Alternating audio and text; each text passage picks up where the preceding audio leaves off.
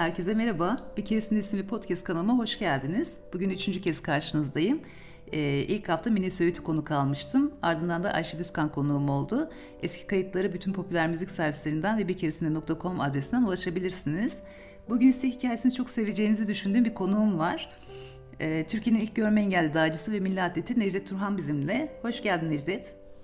Hoş bulduk, merhabalar. Nasılsın? Teşekkür ederim. Ee, sizler nasılsınız? Ee, bu arada podcast e, kanalına beni konuk olarak aldığın için e, teşekkür ediyorum. Ben teşekkür ederim. E, eminim çok güzel bir sohbet olacak. Seninle konuşmayı, muhabbet etmeyi çok seviyorum çünkü. E, ve yaptıklarını daha çok insanın duymasını istiyorum. Daha çok kişi senden haberdar olsun istiyorum. E, istersen şöyle başlayalım. Sen kendinden kısaca bahset, sonra detaylara konuşalım. Tabii hay hay. Şimdi güncelden e, öncesine doğru böyle bir e, kronolojik geri gitmek e, gerekirse şu anda ben e, emekli bir memurum. Nilüfer Belediyesi'nden emekli oldum. Bursa Nilüfer Belediyesi'nden. Yıllarca orada çok sevdiğim bir işi yaptım. Engeller alanında çalıştım. Bursa Nilüfer Belediyesi'nde ilk kez benimle e, engeller alanında bir masa ihtas edildi. E, yıllarca yalnız e, çalıştım en, engeller danışma masası sorumlusu olarak. Daha sonra çok istediğim bir olay gerçekleşti. Birim oldu. E, şu anda birim olarak e, devam ediyor. Ee, ve ben de oraya dönem dönem e, gidiyorum. E, şunu hep söylemişimdir. Emekli olduğumu gönlümü emekli etmedim. Nilüfer Belediyesi'nin engeller birimine bizim ev sosyal e, destek e, merkezi diye geçiyor resmi adı. E, oraya gidiyorum. İhtiyaç olduğunda görme engelli arkadaşlara, görme engelli öğrencilere bilgisayar gösteriyorum gösteriyordum demem lazım. Pandemi bunu biraz kısıtladı. Şimdi telefonda e, işte gerektiğinde WhatsApp'tan e, şey açarak bana ulaşanlara yardımcı olmaya e, çalışıyorum. En çok sevdiğim şeylerden bir tanesi bu. Bana mutluluk veren görme engellilere, görme engelli ailelerine danışmanlık yapmak ve onlara bilgisayar göstermek.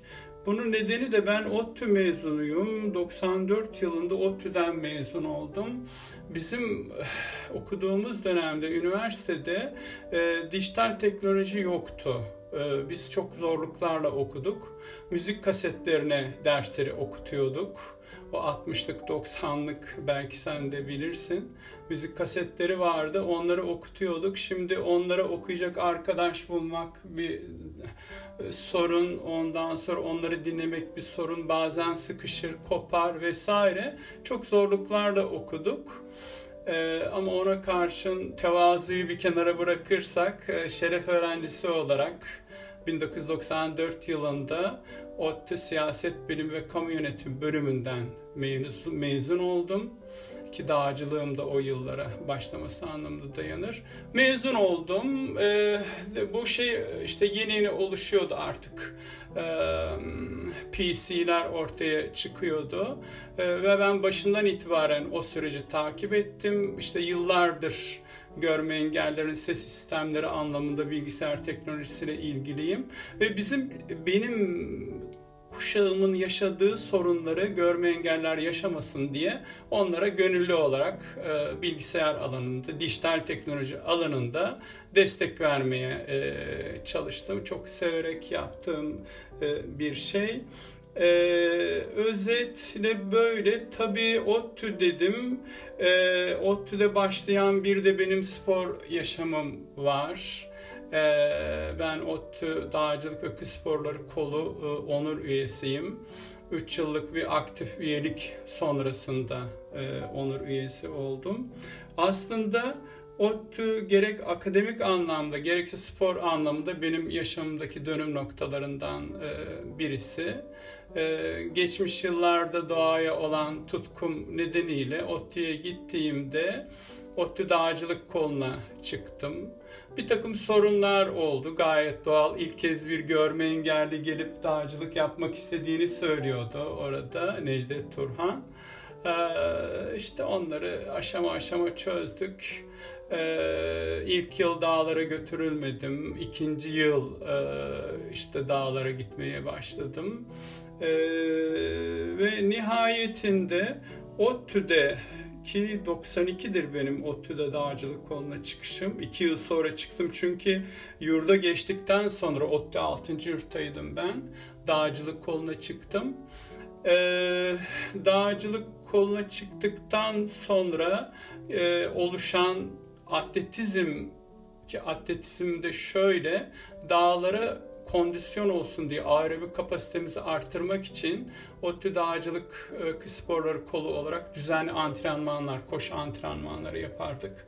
Hepsi halen tadı damağında. Çok özlüyorum o günleri. E, işte o atletizm altyapısı e, ve dağcılık altyapısı nihayetinde e, beni bir miktarda Türkiye'de medyada duyuran 5 kıtada 5 maraton 5 sirve diye bir e, global projeye değin taşıdı.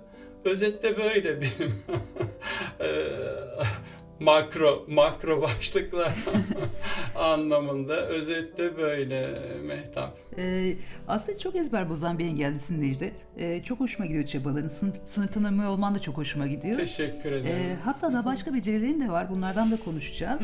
ee, ODTÜ Siyaset Bilimi ve Kamu Yönetimi mezunusun ve atletizmle de dağcılıkla da ilgilenmeye buradayken başladın. Evet. Ee, hatta bize şeyi anlatmıştın. ODTÜ Dağcılık ve Spor Kulübü'ndeyken e, seni dağlara götürmek istemediklerinden ilk yıllarda bahsetmiştin. Evet. Sana karşı ön yargıları nasıl yıktın? E, dağlara tırmanmaya nasıl başladın?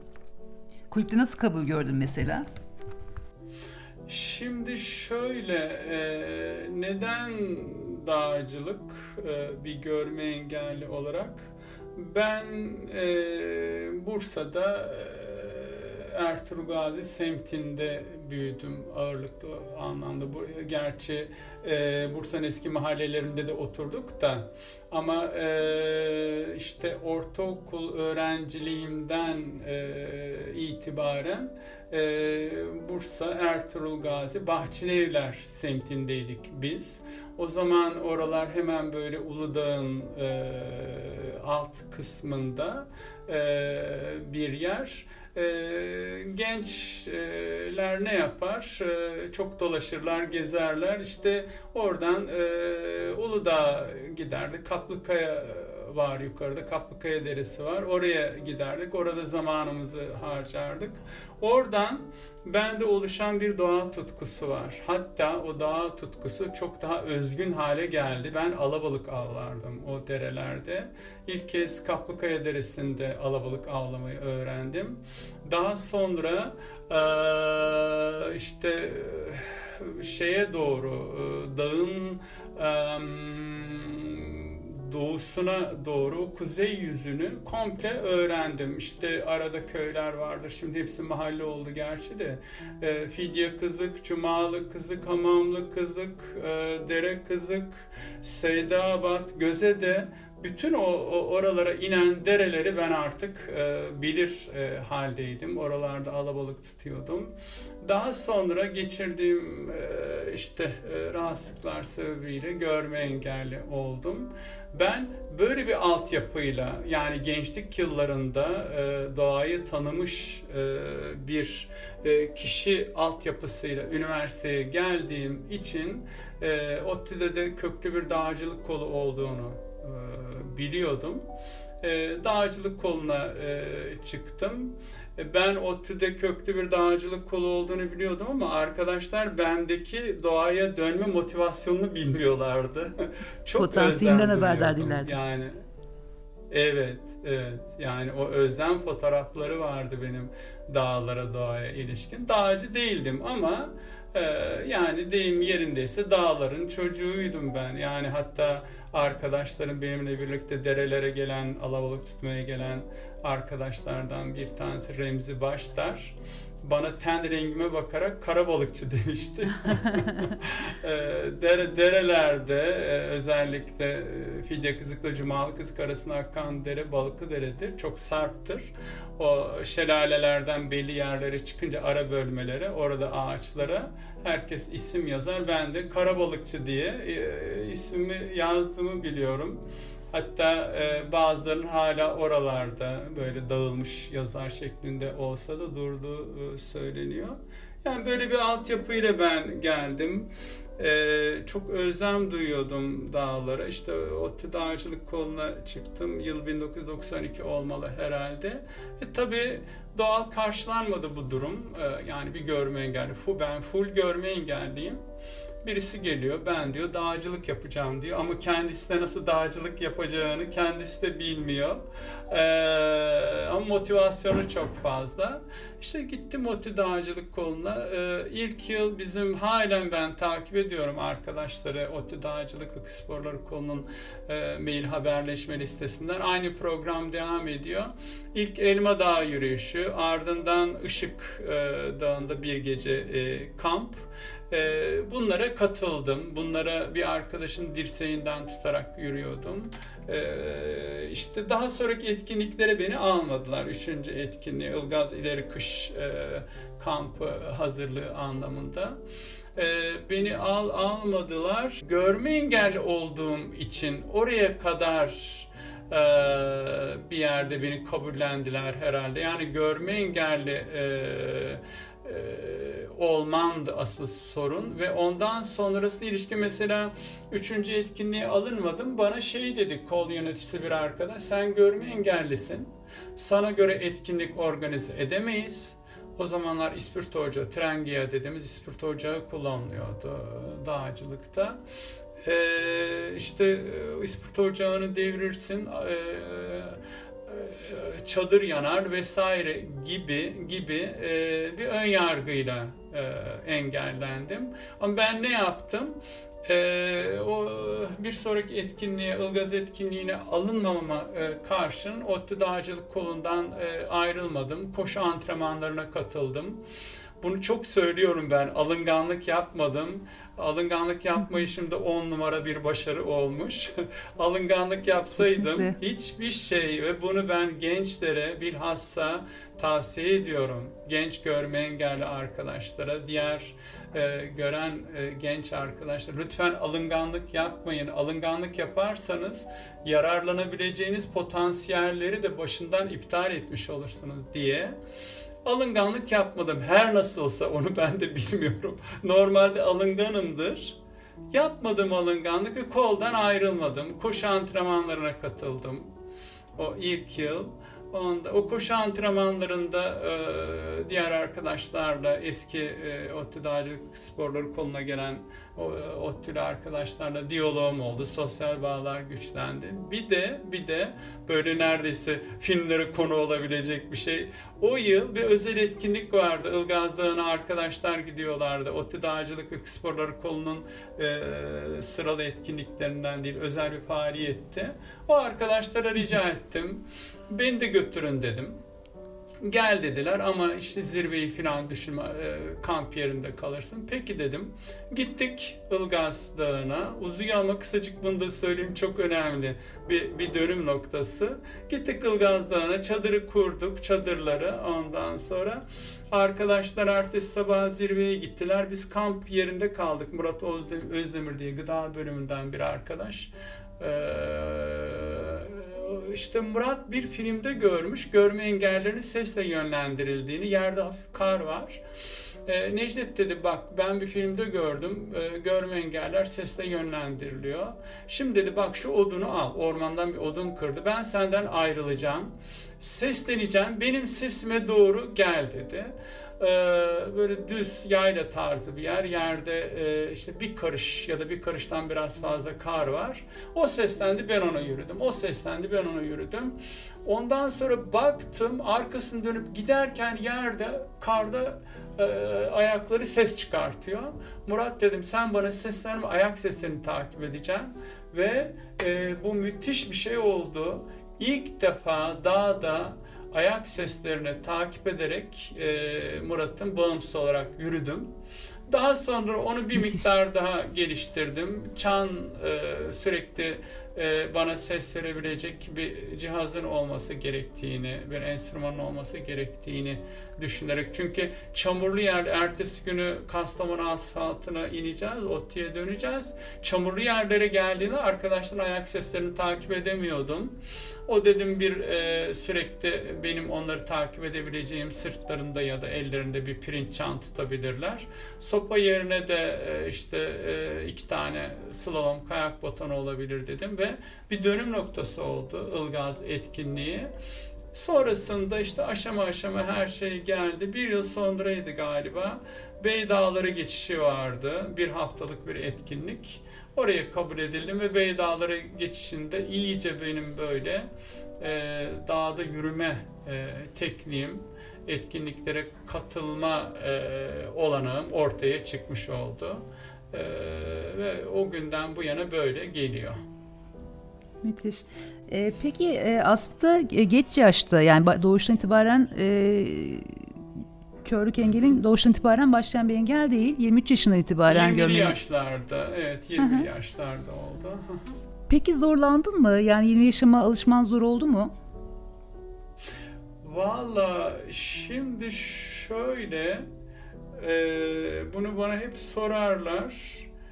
Çok ciddi bir zorluk e, yaşamadım ama olayı kendime tanımlayamıyordum başlarda. Yani e, böyle bir şaşkınlık vardı. Depresyon olmadı ama olayı kendime tanımlayamıyordum. Yani görmüyorsun. Yani körlük nasıl bir şey? Böyle rüya mı, gerçek mi? Kendini anlatamıyorsun. Böyle bir şaşkınlık vardı. Ama o şaşkınlık beni hiçbir zaman için bir depresyona e, taşımadı. Anlayamıyordum. Yani öyle diyeyim. Yani körlüğü anlayamıyordum. İçine e, girdiğim o gerçekliği e, anlayamıyordum. E, depresyon olmadı. Bir süre zaten göz tedavilerim devam etti. Sonuç alamadık. Daha sonra yıl olarak e, 1987 herhalde Ankara'da Körler Rehabilitasyon Merkezi'ne gittim. Ankara Körler Rehabilitasyon hı hı. Merkezi'nde körlük eğitimimi aldım. Ee, ilk defa e, işte eğitimler alıyordum. Diğer körlerle birlikte oluyordum. Sonra yaşamım daha da daha da kolaylaştı. Bu arada e, oraya gitme kararını emekli öğretmen sürekli benim yanımda olan her manada bana destek veren ablam e, Nazile Turhan'la kararlaştırmıştık. E, özetle baştan zor olmadı ama şaşkınlık kavrayamama gibi bir şey vardı. Ee, daha sonra Körler Rehabilitasyon Merkezi'ne gittim. Özel eğitim çok önemli. Yani şimdi bazı görme problemi olan kişiler var ama gerçekliklerini kabul edemiyorlar. Özel eğitim almıyorlar. Çok büyük hata. Özel eğitim aldıklarında yaşamları daha kolaylaşıyor. O psikolojilerine de etkileyecektir muhakkak. Baston kullanmayı öğrendim. Ondan sonra en önemlisi de bir görme engellinin her şeyi yapabileceğini orada gördüm. Yani mutfaktan e, tutun da ayakkabı boyamaya kadar, kişisel idare dersimiz vardı. Yatak toplamaya kadar, nevresim takmaya kadar e, her şey çok iyi oldu. Donanımlı bir şekilde e, 87'de oradan ayrıldım. Çok hızlı bir süreçtir benim için. 87'de Körler Rehabilitasyon Merkezi'ni bitirdim. 88'de lise son sınıf derslerimi dışarıdan verdim. Bursa'da Yıldırım Lisesi'nde. Lise bitmemişti. Liseyi bitirdim. 89'da da ODTÜ'de e, ilk tercihim olarak üniversiteye girdim. Çok çok hızlı bir süreçtir. Şöyle bağlayayım. Bir de Türkiye'nin Kö- en zor üniversitelerinden birine girmişsin. evet, evet öyle öyle oldu. Ee, yani çok şükür diyeceğim. Şöyle bağlayayım. Yani kendi gerçekliğimi kabul etmeseydim, körlüğümü. Bir de özel eğitim almasaydım hiçbir şey hiçbir şey e, olmazdı. Benim buradan söyleyebileceğim e, şey kişiler gerçekliklerini kabul edecekler. Değiştirilemez. Yani bu körlük olur ya da başka bir şey olur. Değiştirilemez gerçekliklerini kabul edecekler ve o gerçeklikle ilgili yapmaları gereken çalışma neyse ona yönelecekler. Benim yapmam gereken çalışma Körler Rehabilitasyon Merkezi'ne gitmekti. Onu yaptım ve yaşam daha da e, kolay e, hale geldi işte. Kapılar açıldı böyle. tek güzel. tek kapılar açıldı. Aslında e, benim de etrafımda tanıdığım görme engelli çok fazla insanlar var e, ve hepsi çok başarılı işler yapıyorlar. Çok umut verici bence çünkü eskiden görme engellisi ya da herhangi bir engeli varsa insanlar genelde evlere tıkılıp kalıyordu. İnsanlar da onlardan onu bekliyordu. E, mesela geçen Sevda Bozbey'in radyo programına konuk oldum ben. E, o da biliyorsun görme engelli. Arkadaşlar. Onun da eşini de, e, eşin daha yakinen, e, e, e, evet Engin Yılmaz e, eşi. E, Evet. Çok güzel programlar yapıyor. Ben de şey yapıyorum. Diyorum bu konuk portföyünü nereden oluşturuyor? Engelsiz e, erişim radyosunda e, yapıyor e, herhalde. Demek seni de konuk aldı e, Sevda Evet Bozbey ben de Yılmaz. konuk oldum Sevda'ya. Ee, yani ben e, mesela şey e, işte teknolojileri kullanmanız konusunda biraz şaşkınım açıkçası çünkü sen de öyle hani e, bir sürü program kullanıyorsun e, çok rahat iletişim kuruyorsun mail yazıyorsun işte geçen YouTube kanalımız üzerinden bir arkadaşımız bize yazmıştı ben görme engelliyim ama bütün videolarınızı iz- izliyorum ve Letonya'ya gelmeyi düşünüyorum o da sporla çok ilgili bir arkadaş E, o da öyle yani çok güzel uğraşıları var. E, yani hayatınızı kolaylaştırmak için ne tarz şeyler kullanıyorsunuz Necdet? Teknolojiden hay- nasıl faydalanıyorsunuz? E, hayatımızı kolaylaştırmak için tabii dijital teknoloji çok çok önemli. E, benim işte ODTÜ sürecimde olmayan çok büyük bir e, olanak. E, çok şey kazandırdı dijital teknoloji bize ama çok da abartmamak lazım. Yani o bilgisayarın başında, cep telefonunun başında çok da durmamak lazım. Şimdi şöyle, sesli sistemlerle kullanıyoruz. Yani e, gören kişiler gözleriyle e, o dijital aletlerini kontrol ediyorlar, kullanıyorlar. Biz de sesle kullanıyoruz. Şimdi bizim mesela bilgisayar eğitimlerinde ilk e, görme engelli öğrenciden beklediğimiz şey 10 parmak klavye kullanmaktır. 10 parmak klavye kullanımını öğreniyor. Neden? Sizin çünkü mouse'la yaptığınız bütün tıklamaların e, kısa yolları e, şeyde var, e, kısa yol olarak e, klavyede, Klavyede. var. E, tabii tabii onları onları e, öğreniyor. Yani 10 parmak klavye kullanmadan bir görme engelli bilgisayarı efektif kullanması mümkün değil. Bazı görme engelli arkadaşlar var. Görme artığı diyoruz biz. Çok az görüyorlar. O dönemden böyle parmakla basmaya işte 2-3 parmakla basmaya alışmışlar. Ama o çok e, pratik bir yöntem değil. 10 parmak e, klavye kullanacak. E, ekran okuyucular var yüklediğimiz e, Windows işletim sistemi için. Diğer Mac bilgisayarlarda, iPhone telefonlarda, şimdi Samsung telefonlarda da var. Üzerinde ses programları geliyor. O ses programları desteği ile pek çok şey yapabiliyoruz. Yaşamımız gerçekten çok çok kolaylaşmış e, durumda. Ama şöyle bir hadise var. Bilhassa e, çocuk görme engelliler, genç görme engelli arkadaşlar. Gerçi bu diğer e, gençler için de var da çok fazla bağlanıyorlar. Yani sürekli oyun oynuyorlar. E, abartılı bir şekilde dijital teknolojiyi kullanıyorlar. Bu, bu bir e, des dezavantaj ama çok kolaylaştırdı yaşamımızı. Örneğin ben e, banka hesaplarımı iPhone'dan yönetebiliyorum. O, on bankaların uygulamaları var. Onları e, indirip e, teknoloji teknoloji kullanımı böyle. yani ses programları e, desteğiyle, ekran okuyucular e, desteğiyle bilgisayar kullanabiliyoruz. Diğer dijital aletleri kullanabiliyoruz. Peki ben gene e, şey dağcılık meselesine döneceğim. Çünkü onu biraz atladık. E, konu konuya geçiyor. 2002 yılında Türkiye'den Arz Zirvesi'ne ulaşan ilk görme engelli dağcı da sen oldun. Evet. E, başka tırmandığın dağlar hangileri? Nerelere tırmandın?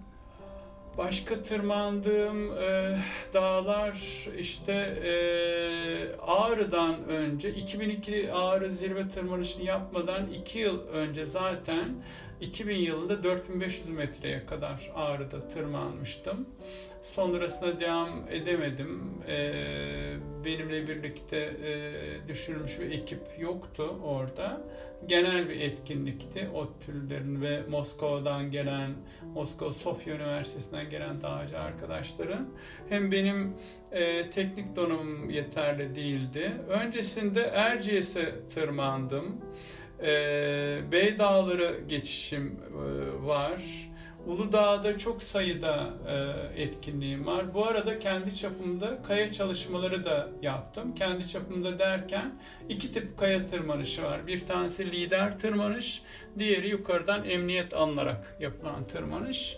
Lider tırmanış e, dışında e, yukarıdan emniyet alınması halinde yapılan e, tırmanışları gerçekleştirdim.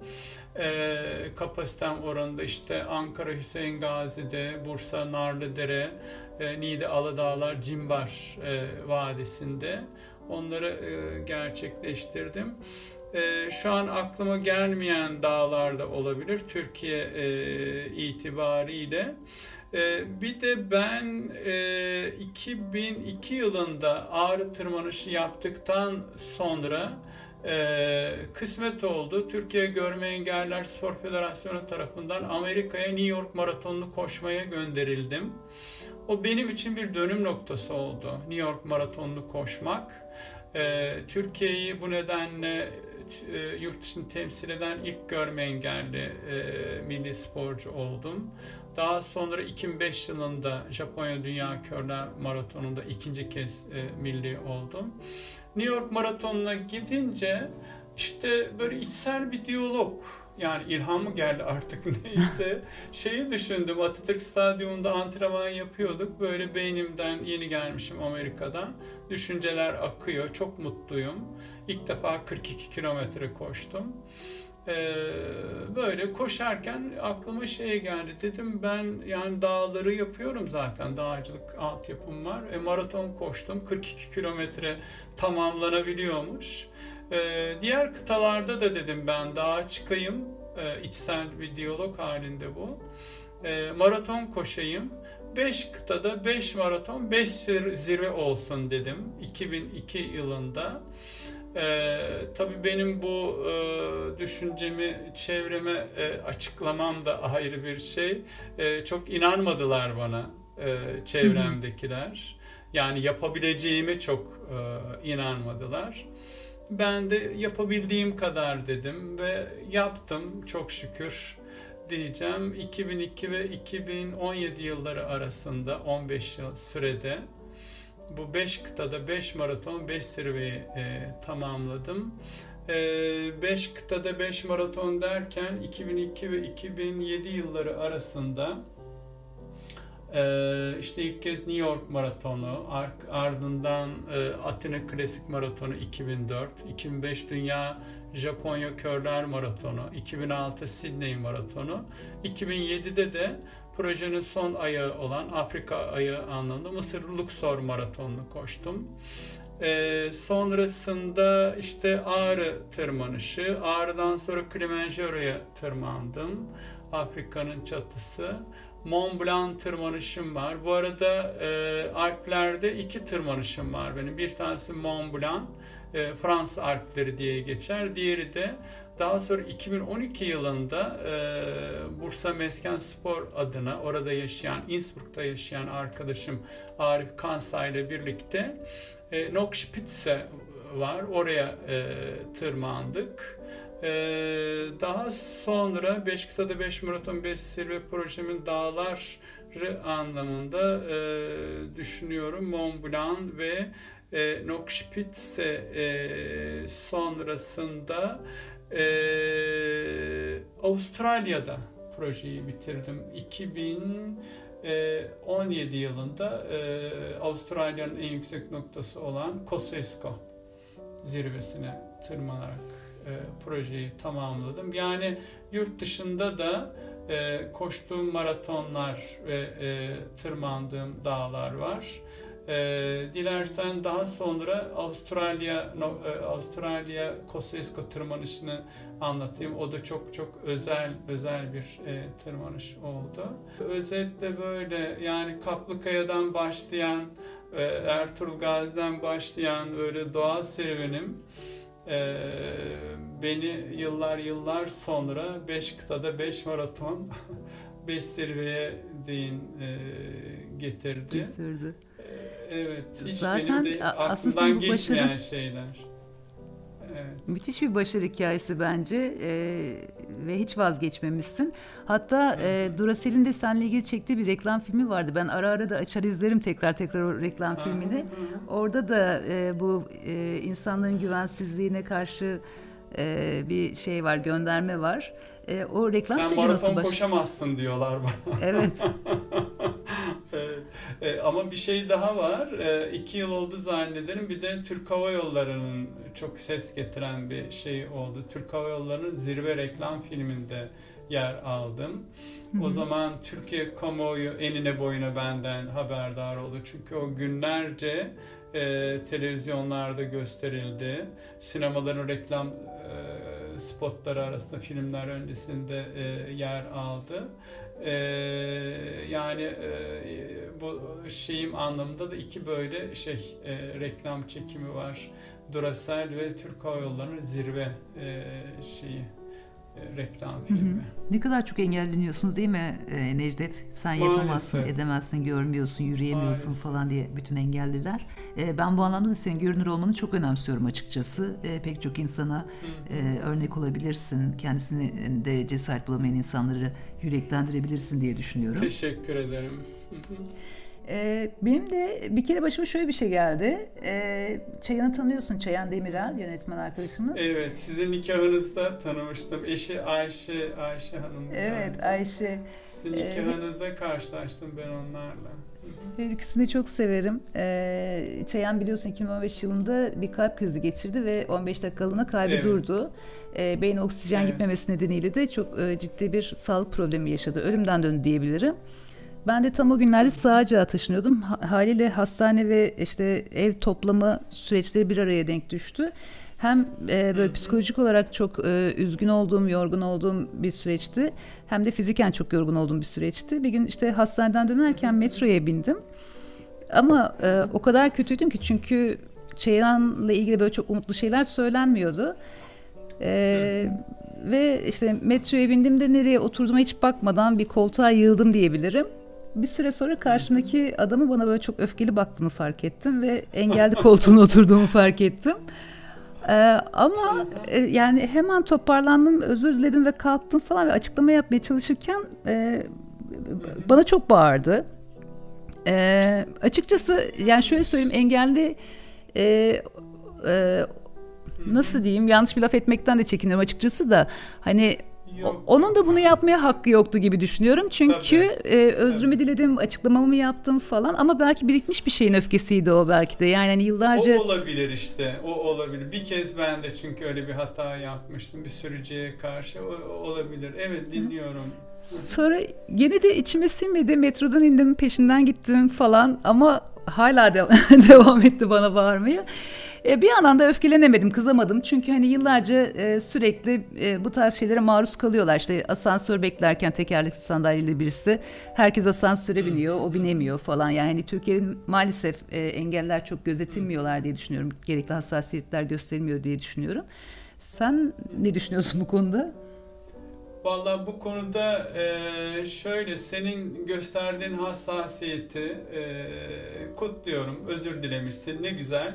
Karşıdaki arkadaşın yaptığını yanlış e, buluyorum. Uygun bir şeyler söyleyebilirdi. Şimdi şöyle bir şey var. Yani bir miktarda olayları engeller cephesinden bakmak lazım. Evet bizim Türkiye'de engeller olarak bir dolu sorunumuz var e, ayrımcılığa uğruyoruz. E, toplumun e, işte diğer e, katmanları e, gibi ayrımcılığa e, uğruyoruz.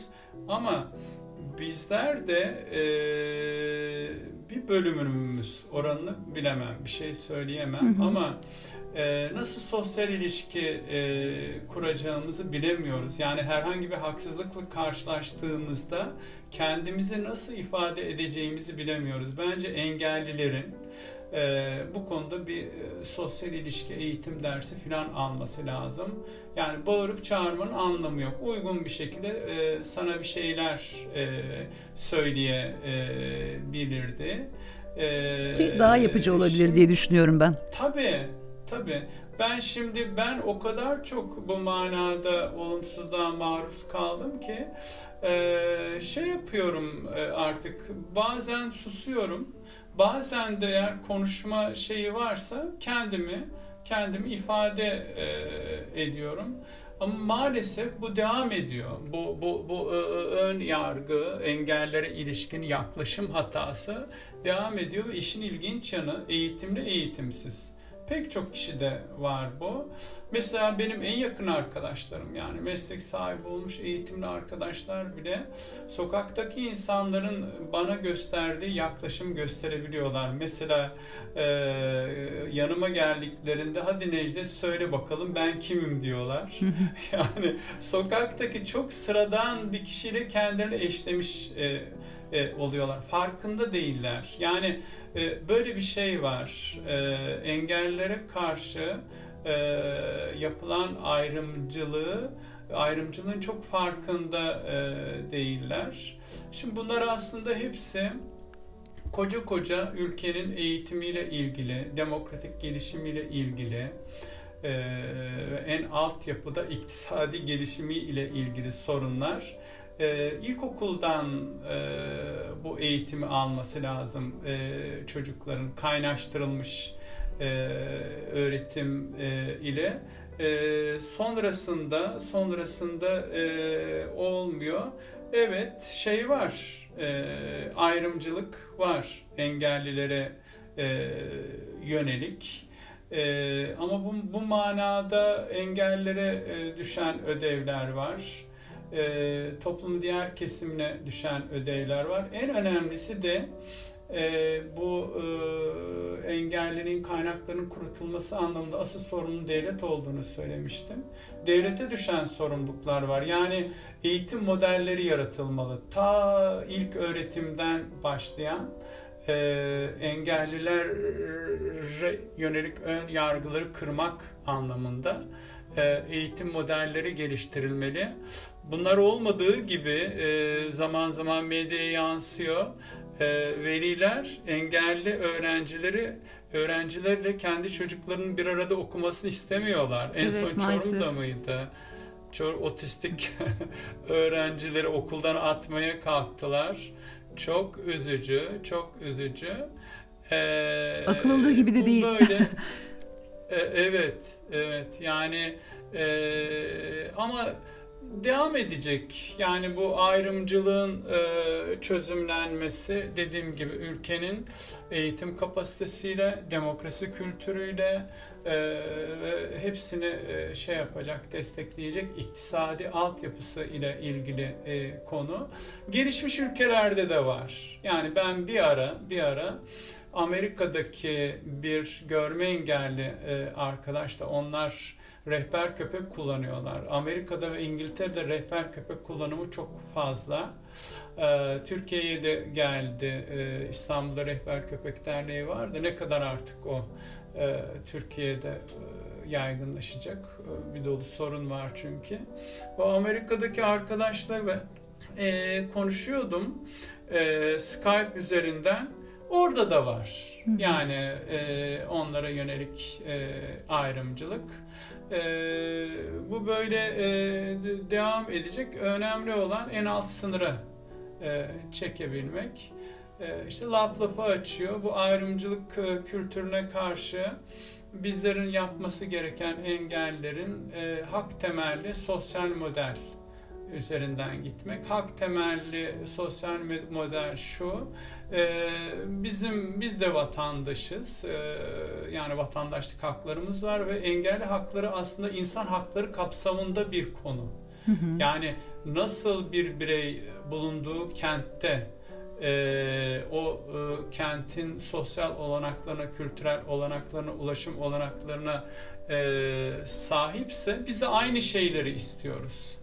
Yani bizim de o haklardan yararlanmak en doğal hakkımız. Kesinlikle. O yüzden e, hak temelli sosyal modelden e, yanayız. Bunlar hep böyle Batı toplumlarında 60 yıllardan itibaren başlayan engelli hareketleri sonucunda oluşan şeyler.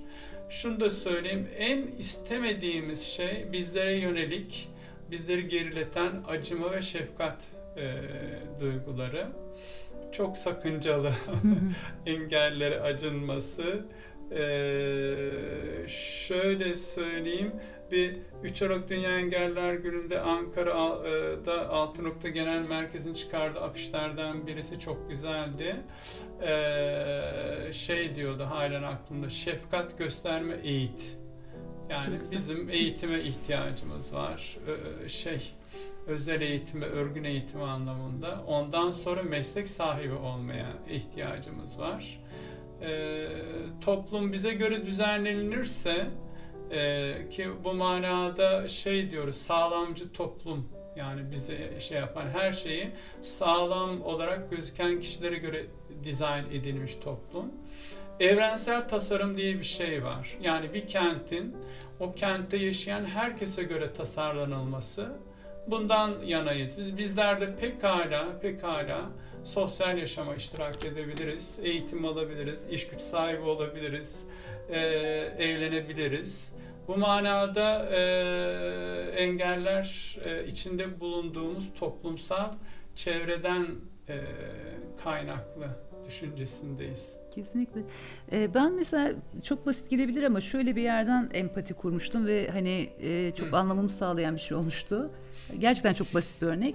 Ee, İstanbul'da tekerlekli valizle ilerliyordum ve valizimi düz götürebileceğim herhangi bir kaldırım yok. Yani sürekli onu kaldırmam gerekiyor, indirmem gerekiyor falan. Haliyle insanlar bu kadar basit şeylerde bile tekerlekli sandalyeli ya da işte baston kullanan bir insanın ne kadar zorlayacağını anlayabilir. Ya da dar etek giymiş bir kadının kaldırımdan bacağını atması nasıl zorsa tekerlekli sandalye ya da herhangi bir şey kullanan, hayatını kolaylaştıracak herhangi bir aksesuar kullanan diyeyim e, ekipman kullanan daha doğrusu insanların ne kadar zorlandıklarını anlamaları mümkün aslında. E, tabii hani bizlerin e, engeli olmadığı için pe- pek çok şeyin farkına varamayabiliyoruz. E, işte bu bahsettiğim iletişime geçen e, görme engelli arkadaşlardan bir tanesi şey sormuştu. Hani Letonya'ya gelsem yaşayabilir miyim? E, yani şey söyledim e, hani gerçekten bilemiyorum şeyler. Çünkü benim bir engel deneyimim yok. Engellik deneyimim yok. Hı. Ve hani senle bunu fark etmiştim. Biz sadece hani çok rahat bir yer, küçük bir yer falan derken sen şey demiştin. Burada kılavuz olacak yollar yok bana demiştin mesela. Hani bastonumu rahat kullanabileceğim yollar yok demiştin. Kılavuz olacak yollar yok. Bir de benim bastonumla orada izleyebileceğim yerleri arabalar çıksın diye rampa yapmışlar. Evet. Yani boyda o kadar çoktu ki o sahilde o rampa. Ben halbuki o rampalar e, olmasa e, o şeyi e, biz bizim e, kaldırım kenarı ya da kaldırım üstünden e, takip yöntemimiz var bastonla. E, onu gördüm ben. E, işte orada mesela engeller göz ardı e, edilmiş arabaların rahat park etmesi bir de bir de o derdimiz var kaldırımlarda bol miktarda araç ya da bol miktarda araç.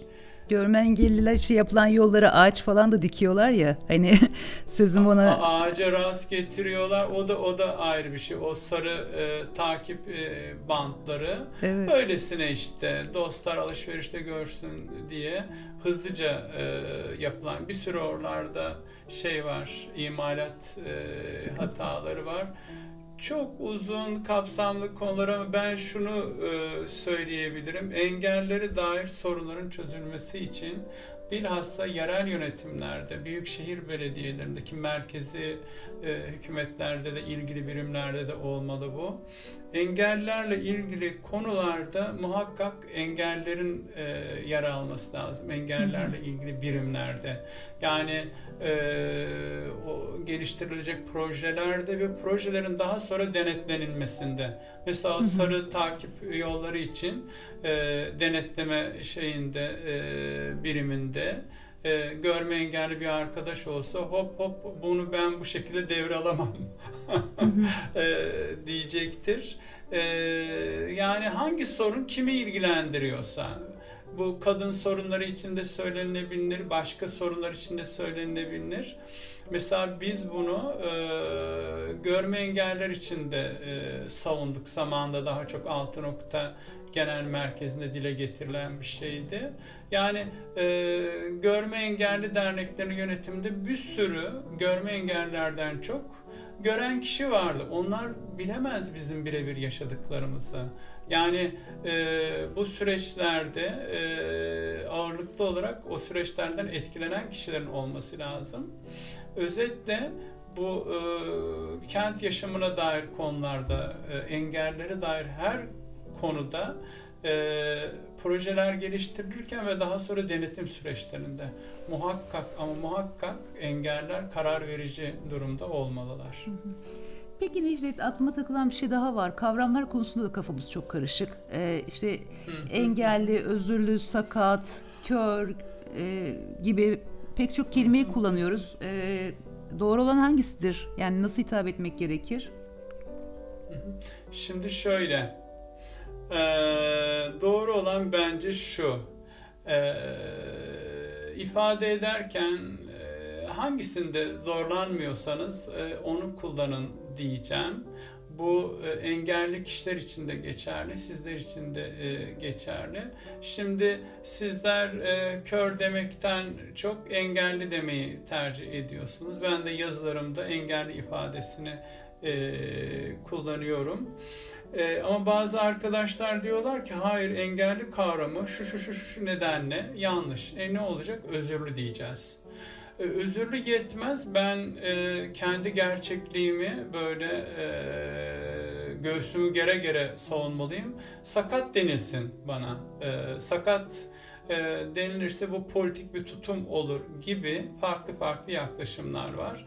Ben şimdi bu yaklaşımlara saygı duyuyorum ve diyorum ki e, herkes istediği kavramı kullansın ama bu kavramları kullanan kişilerin engelli engelsiz yüzlerini döndükleri yer çok önemli. Yüzlerini döndükleri yer az önce anlattım. E, hak temelli sosyal model olmalı. Çünkü e, engellilik toplumsal bir olgu. E, toplumsal bir olgu olduğu için toplumsal bütünlük içerisinde tartışılmalı, sorunları ele e, alınmalı. E, şu iki kavram çok önemli. İşte 60'lı yıllarda e, İngiltere ve Amerika'daki engeller mücadelesiyle ortaya çıkıyor.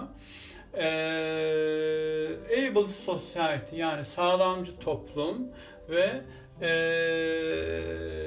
disabling society, sakatlayan toplum yaklaşımları. Yani asıl e, sakatlayan, engelleyen disabling society. E, bu, bu bir kere e, bilinmeli ve e, işte sağlamcı toplum denildiğinde bakın e, ortalama normlara göre kent yaşamı e, düzenlenilmiştir. Yani orada bir evrensel tasarım yoktur.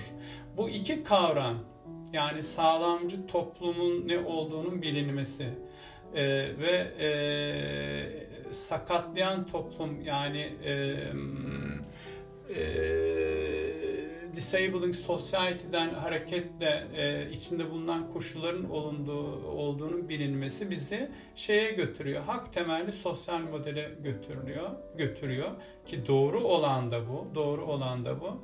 Ee, insanlar yüzlerini buraya çevirdikten sonra benim nezdimde engelli demişler, kör demişler. Hiçbir şey yok. Sizler de genelde engelli ifadesini kullanıyorsunuz. Gayet doğal. Ben bazen kör diyorum kendime, bazen engelli e, diyorum. Artık bu arkadaşların inisiyatifinde olan bir şey. Buradan tartışma çıkarmanın o doğrudur, bu yanlıştır demenin anlamı yok. Ama bütün o bakışlar e, yineleyeceğim son kez e, hak temelli sosyal e, modele yönelik e, olmalı ve asıl engelliyenin toplum olduğu, toplumsal düzenlemeler e, olduğu bilinmeli diye düşünüyorum. Hı hı. E, şimdi senle Bursa'yı da konuşmayı çok istiyorum ama ona geçmeden önce kısa bir şey e, aklıma geldi. Hatırlıyorsan senle Mahfel'de buluşmuştuk iklimle beraber. Ben e, evet. engelli arkadaşların görünür olmasının, sokakta olmasının, zaman zaman senin yaptığın gibi insanlara vakit ayırmasının ve güçlenmesinin de çok değerli olduğunu, önemli olduğunu düşünüyorum. Mesela o gün e, o çocukla buluşman onun hayatında çok şey değiştirdi diye düşünüyorum. Çünkü e, çok etkilendi. Güzel sorular sordu bana. çok etkilendi. Evet, Hani evet, evet. çünkü bir de şey sen hani eğiliyor mesela sen onun eğildiği yöne doğru konuşuyorsun falan aklanmıyor görmüyorsa benim orada olduğumu nereden biliyor falan diye.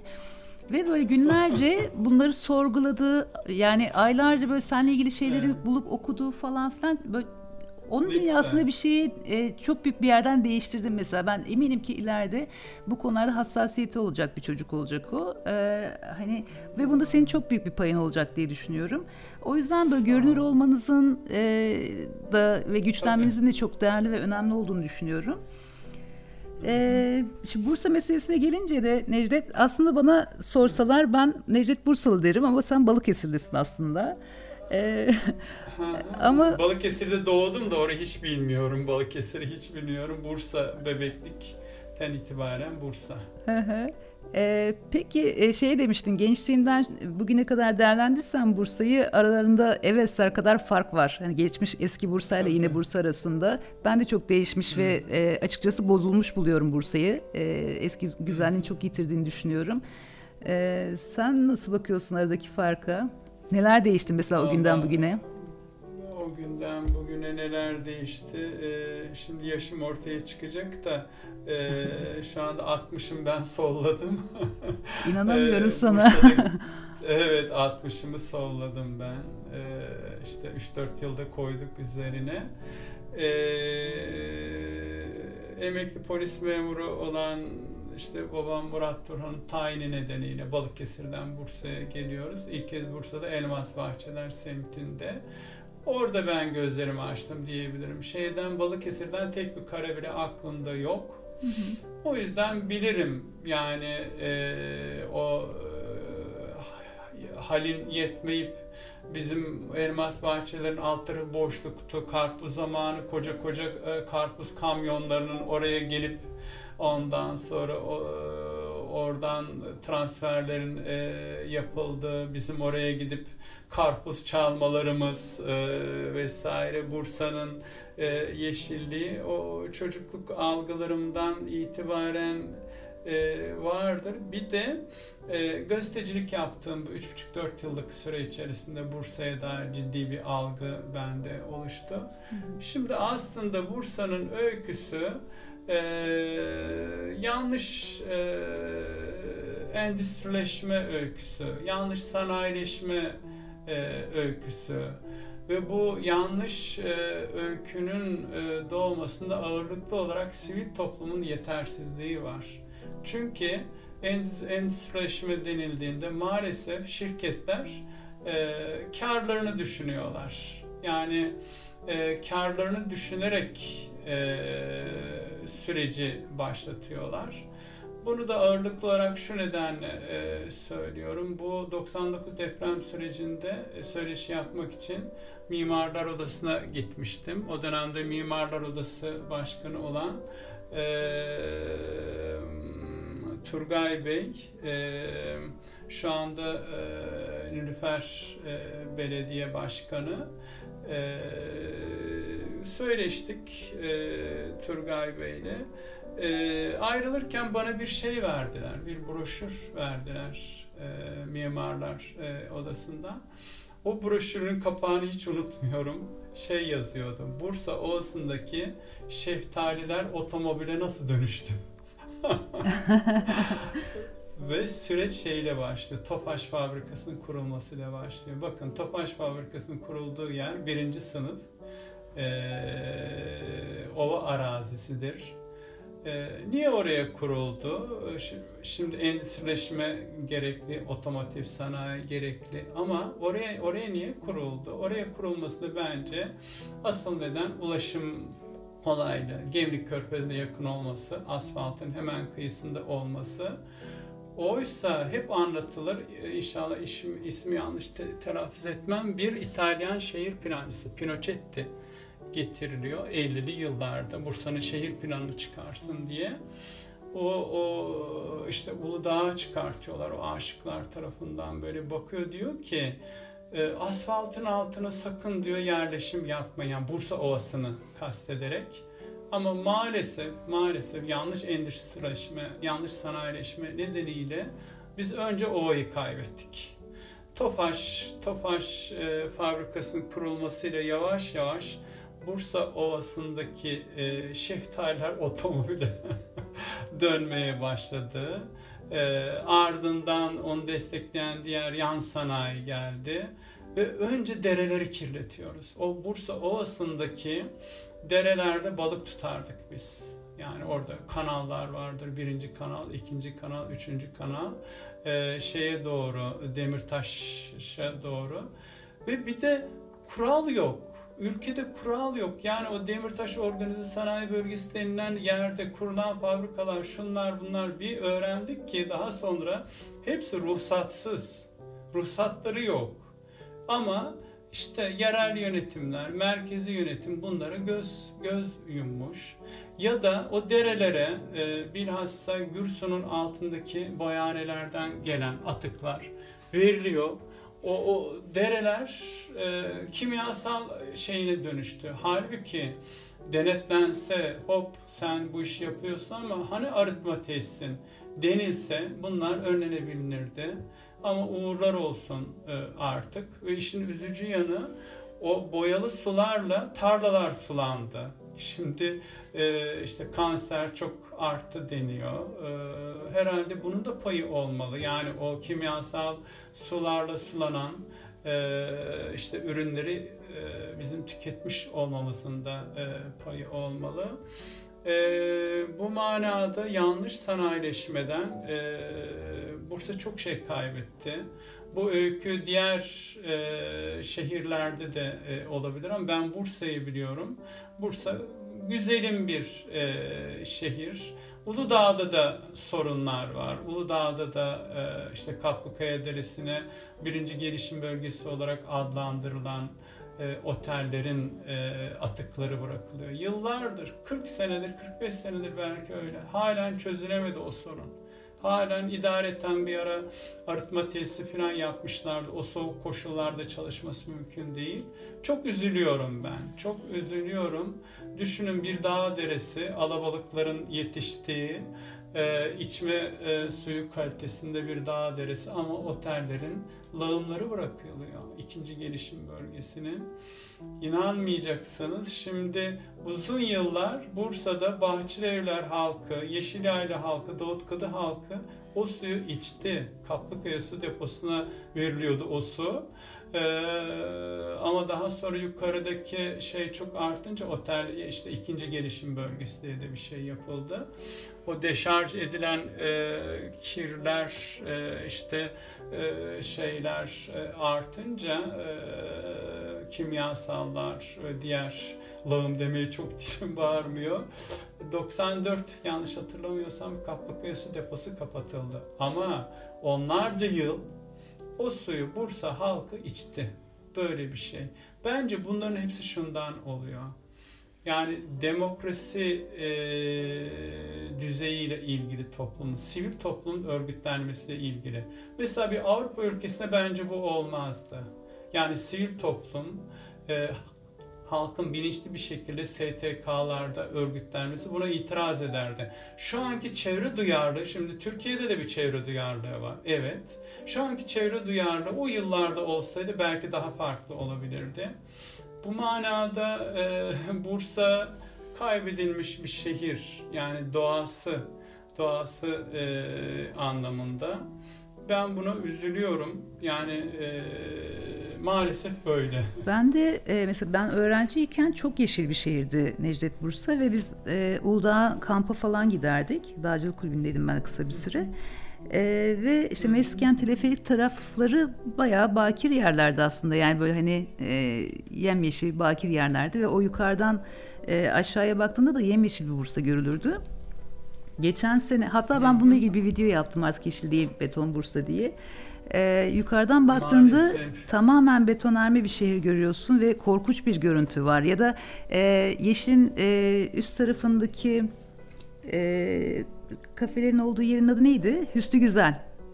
Değil mi? Yanlış hatırlamıyorum. Hüsnü Güzel. Ha, Hüsnü Güzel'de. Ye, ye, ye, yeşilin yeşilin olduğu kafelerin e, adı Yeşil tarafından e, çekirge, çekirgenin üstü Hüsnü Güzel. Yeşilin olduğu e, tarafta Emir Sultan. Emir Sultan pardon. Emir Sultan'da kafeler vardı e, ve kocaman böyle pencereleri olan kafe bir kafede hala duruyor hatta. E, oradan baktığımda yemyeşil bir Bursa görürdüm ben öğrenciyken. İnanılmaz güzel bir manzara vardı. Ben tabii aynı manzarayı göreceğim hevesiyle e, oraya gittim. Dehşet yani dehşet görünüyor. Çok üzücü, çok üzücü. Bursa Ovası artık karşı Katırlı Dağları'na kadar yok. Hı hı. Yok o güzelim. Şöyle denirdi eskiler. Bastonu diksen yeşerir Bursa Ovası'na. Orayı e, kaybettik. İşte yanlış e, sanayileşme e, nedeniyle. Maalesef, maalesef. Şu anda da e, zaten e, dereler kaybedildi. Şu anda da bildiğim kadarıyla evet. bir direniş var. E, Kirazlı Yayla'da galiba e, bir Tabii. madenle karşı kadınların gösterdiği bir direniş var. Bir kurşun kurşun madeni zaten daha önce varmış da orayı daha da genişletiyorlar maden alanını ve e, köyün e, merasına kadar hatta o meraya giden yolu da kapsayacak şekilde Tabi burada hukuk tartışmaları da devreye giriyor. En son e, bizim ortak dostumuz e, Serdar Güven işte gidiyor oranın e, belgesellerini filan kısa kısa yapmaya çalışıyor. Serdar'dan duyduğum kadarıyla e, Kirazlı halkı dava açıyor ve bu dava sürecinde bilirkişi e, olan hocalar yapılanın yanlış olduğunu, chat e, anlamında yanlış olduğunu e, söylüyorlar. E, hepsi oy birliği ile o maden, kurşun maden e, firmasına tanınan yeni alanların yanlış olduğu ve iptal edilmesi gerektiğini söylüyorlar. Ama ona rağmen mahkeme mahkeme e, şeyin lehine karar veriyor firmanın lehine karar veriyor ve deyim yerindeyse hocalara, o konu uzmanı olan hocalara yok o öyle olmaz, böyle olur gibi yaklaşım sunuyor. Şimdi hani nerede hukuk? Evet. O bilir kişi e, e, niye çağırdın, niye onların oy birliğiyle verdiği şeyleri gerçekleştirmiyorsun? Maalesef yani bunlar bana şunu düşündürtüyor. ODTÜ'de siyaset biliminde aldığımız e, dersler kapsamında bazı kavramları hiç unutmuyorum. Onlardan bir tanesi şeydi. E, e, e, neydi? Int, e, inter e, e, interlocking e, e, e, interest gibi bir şey. Yani karşılıklı kilitlenmiş çıkarlar. Hı hı. Şimdi bunu düşünüyorsun. Demek ki yani bir takım çıkarlar böyle e, karşılıklı var ki yani böyle bu hukuk e, şey ortaya çıkıyor garabeti hı hı. E, diyeyim. Maalesef ama duyarlılık çok güzel. E, orada Kirazlı köyünde halk gerçekten bir direniş gösteriyor göstermesi de çok doğal. Yaşam alanına müdahale etmişsin. Yani e, merası var onların. Meraya hayvan çıkartacaklar. Orada bir gölet var. Orası şimdi maden sahası olarak şey yapılmış. Maden firması diyormuş ki buradan geçemezsiniz. Hadi şimdi. Evet, mezarlıkları. E, yani evet. Mesela kadınlar mezarlığın bile bir bölümünü evet almışlar. Yani hafsalı alacak alacak bir şey değil. Ben zaten Türkiye'nin bu son yıllarda e, doğa kaybını anlamış değilim. Kaz Dağları'yla geçen yaz başladı bir evet. süreç. Kaz Dağları'ndan Muzur Dağları'na kadar e, işte HES'leriyle yok e, bu e, altın şeyleriyle e, yani bu kadar en son Salda Gölü'nün de şeyi duyduk e, yapılaşmaya açıldığını duyduk. E, geri çekilip bakıyoruz hafsalamızı almıyor ve nerede hukuk e, diyoruz. Ama şöyle bağlayayım. Doğa ile kaybedilenler geri gelmiyor. Gelmiyor. Evet. Çok bunlar ülkemizin üzücü gerçekleri. Bursa'ya geri dönersek maalesef yeşil Bursa, gri, gri Bursa e, oldu.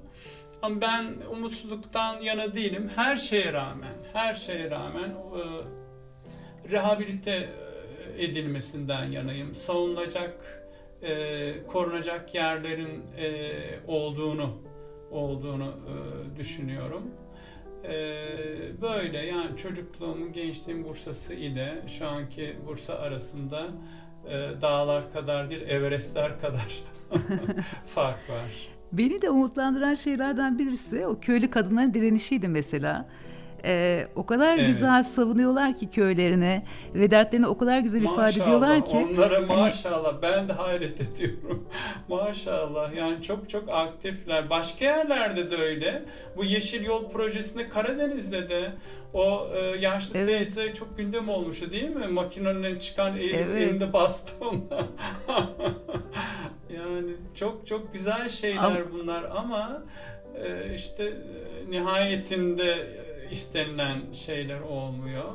Ee, ama çok çok güzel şeyler tabii. Kirazlıköy'ün halkı da, kadınları da e, sen de izlemişsin zannederim şey yapıyorlar olup bitenleri protesto ediyorlar. Evet ben, ben çok umut vericiydi kadınların şeyi bir de gerçekten dertlerini çok iyi ifade ediyorlar. Umarım e, karşılık bulur mücadeleleri.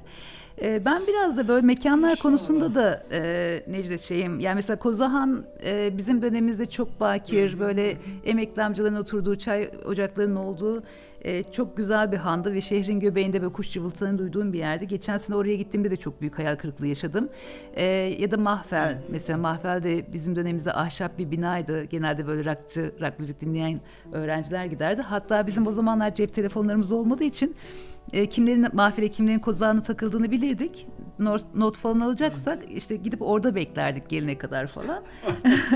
evet. Sonra ben basında çalışmaya başlayıp İstanbul'a gittiğimde ajans haber e, geçti mahfel yandı diye. Hı-hı. Çok ağlamıştım mesela çünkü çok keyifli zamanlar geçirmiştik orada ve sonrasında orayı Mado yaptılar.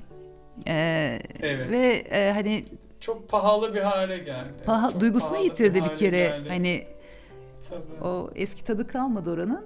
Haliyle böyle mekanların da özellikleri çok yitirtiliyor gibi geliyor. Yani ne bileyim belki şey yapılabilir. Hani elbette ki nüfus artışıyla beraber Kozağı'nın kalabalığı da artacak ama belki oradaki kafelere bir standart getirilebilirdi. Ee, işte müzik sistemlerine bir standart getirilebilirdi. Ee, böyle hani şu anki hali bana çok sevimsiz geldi açıkçası. Bursa demişken evet. e, değinmek istediğim bir şey daha var. E, mesken çocukları. E, şimdi Bursa'da e, mesken bir semt adı ama hani mesken çocukları diye e, bir tanımlama da var. E, ve Dinamo Mesken diye bir spor kulübü var. Hatta Erkan Can da e, zamanında amigoluğunu yapmış ve bu hikayenin böyle işte günümüze kadar gelmesine çok payı e, olmuş. E, sen de mesken taraflarında büyüdün. Nedir meskeni özel ben kılan? Ben de mesken kültürüyle yetiştim. E, şimdi mesk meskeni özel kılan 70'li yıllardaki e, kültürü yani e, meskenin yani Ertuğrul Gazi semtini şimdi mesken denildiğinde Ertuğrul Gazi'deki e, ilk yapılan bloklar, eski bloklar Değirmenli Kızıkköy'ünün yanında. Daha sonra biz geldik, bahçeli evler. Hatta biraz daha aşağıya doğru, orta bağlar yani komple burası düşünülmeli mesken kültürü denildiğinde. Şimdi mesken kültürünün e, sosyal düşünsel yanı var. Yani e, sol muhalif bir kültür yaşardı orada 70'li yıllarda. Ee, ilk orada mesken bloklarının e, kurulması 60'lı yılların e, sonuna doğru e, oluyor. E, hatta biz de oraya müracaat etmiştik. O blokların çekilişine katılmıştık ama 9-10 tane blok yapıldı e, orada. E, bize çıkmamıştı. Daha sonra Bahçeli Evlere geldik aile olarak. Şeyi ben e, düşündüm geçen de yani bloklardaki yaşam asosyal bir yaşamdır ama orada e, mesken eski bloklarıyla başlayan yaş, yaşam e, çok farklı bir model. Tam böyle bir e, şey dayanışma e, modeli, paylaşım e, modeli çok pozitif şeyler var insan ilişkileri anlamında. Onu da şuna bağladım. Yani bloklar var ama e, böyle bir e, doğal e, yerde yani kırın ortasında e, bloklar e, ve insanların birbirleriyle olan teşki mesai çok çok fazla. İşte o ortamda mesken kültürü yeşeriyor 70'li e, yıllarda. E, mesken Spor Kulübü var. Mesken Spor Kulübü e, işte e, çok popüler e, Sovyet takımlarından esinlenerek Dinamo Mesken olarak kendini adlandırıyor ve 12 Eylül 1980'de ismi nedeniyle kapatılan ilk kulüp diye geçer Türkiye'de. Dinamo Mesken olduğu için kapatılıyor. Ee, ama e, işte çok pozitif e, yönleri olan insan ilişkileri anlamında insan e, dayanışması, paylaşımı, düşünsellik e, anlamında çok pozitif yanları olan bir kültür. E, nihayetinde e, Dinamo Mesken yeniden e, kuruldu Mesken Spor olarak. Bu arada o dönemde benim tabii ben e, futbola çok ilişkim yok. Ben dağların çocuğu. Biliyorum mesken sporu olduğunu da çok yakın arkadaşlarla teşkiye mesaim olmadı. E, Erkan Can'ı da e, biliyorum yani birebir bir arkadaşlığım, dostluğumuz olmakla birlikte eski bloklarda oturuyordu e, Erkan. Can e, böyle çok dikkat çeken kanarya sarısı saçlarıyla farklı diş yapısıyla çok dikkat çeken bir arkadaştı. Ee, yani onu bir de şuradan hatırlıyorum. Çok kar yağardı. Bir gün nereden bulduysa iki tane kayak çıkarmış. o meskende asfaltında yukarıda camiden aşağı doğru kayaklarla kayıyordu. Kaymaya çalışıyordu. Erkan Can'ı o anlamda e, bilirim. Zaten birbirimizi bilmememiz mümkün değil. Yani orada e, az sayıda insan vardık. Hı hı. Düşün e, taşıma şeyi yetersiz. Sabahleyin insanlar 2-3 tane dolmuş vardı. O eski blokların önünde kuyruk olurlardı.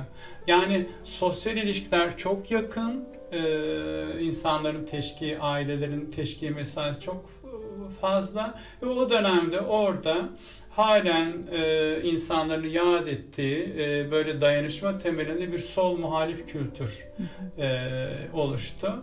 Bu manada sosyal, düşünsel koordinatlarımız içinde e, meskenin, mesken e, olmanın ayrı bir yeri vardır. Mesken çocuğu şeyi buradan e, doğuyor. Necdet benim çok sevdiğim bir arkadaşımın e, arkadaşıydı. Biz e, tanışmıyorduk ve ben Letonya'ya yerleşmeden önce Sığacık'ta yaşıyordum.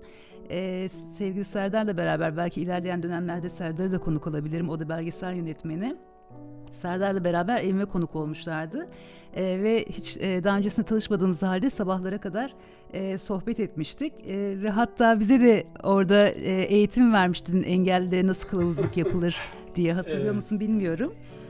E, fakat e, biliyorsun e, 30 Ekim'de İzmir'de e, bir deprem yaşandı. E, 6.6 büyüklüğünde ve e, çok üzücü bir depremdi. Evet.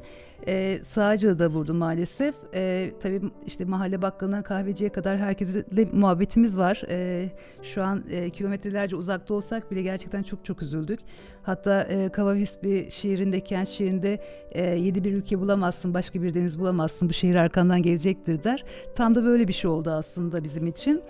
ee, ve e, BBC'den sevgili e, Mahmut Hamsici'nin yaptığı bir haberi izliyordum. Mahmut da benim eski arkadaşımdır.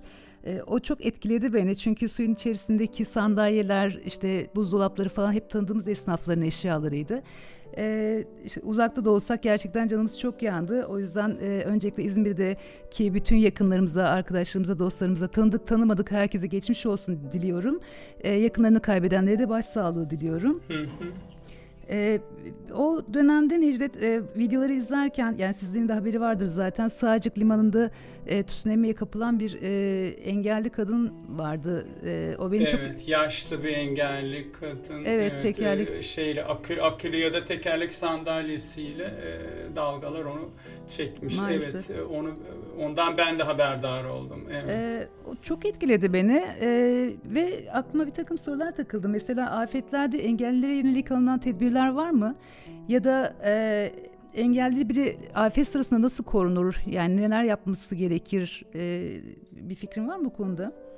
Tabii e, fikrim var. E, fikrimle birlikte eleştirim de var.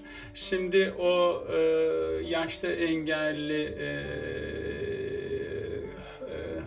hanımefendinin e, denize e, şey yapma nedeni e, çok çok özel bir durum. Yani orada tsunami e, oluşuyor. O onu kimse bilemezdi.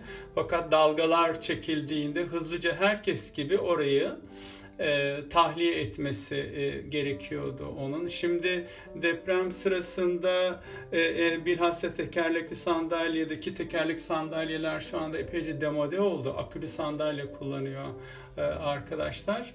Onların sabitlenmesi lazım. Yani orada o Sığacık sahilinde o yaşlı hanımefendinin e, sandalyesi sabitlense bile yine onu şey alırdı, dalga alırdı. Orası çok özel bir durum, çok büyük bir e, talihsizlik. Şimdi deprem ve engelliler dendiğinde hem fikrim hem de eleştirim var demiştim. Şimdi şöyle ben e, bakıyorum e, işte internette depremde engellilerin yapması gereken şeylere ilişkin bir dolu şey var. Metin Valla e, çok özür dilerim ama e, büyük çoğunluğu laf kalabalığı ve bu e, yabancı dilden, İngilizceden büyük olasılıkla çevrilmiş şeyler. Ee, çok önemli bir konu var onu dile getireceğim o pas e, geçiliyor ee, yani orada engeller için anlatılanları e, ortalama kişiler için de e, düşünebilirsiniz. Yani deprem esnasında yapması gereken şeyleri. Mesela engelli olsun, engelsiz olsun muhakkak bir deprem planı yapılması lazım.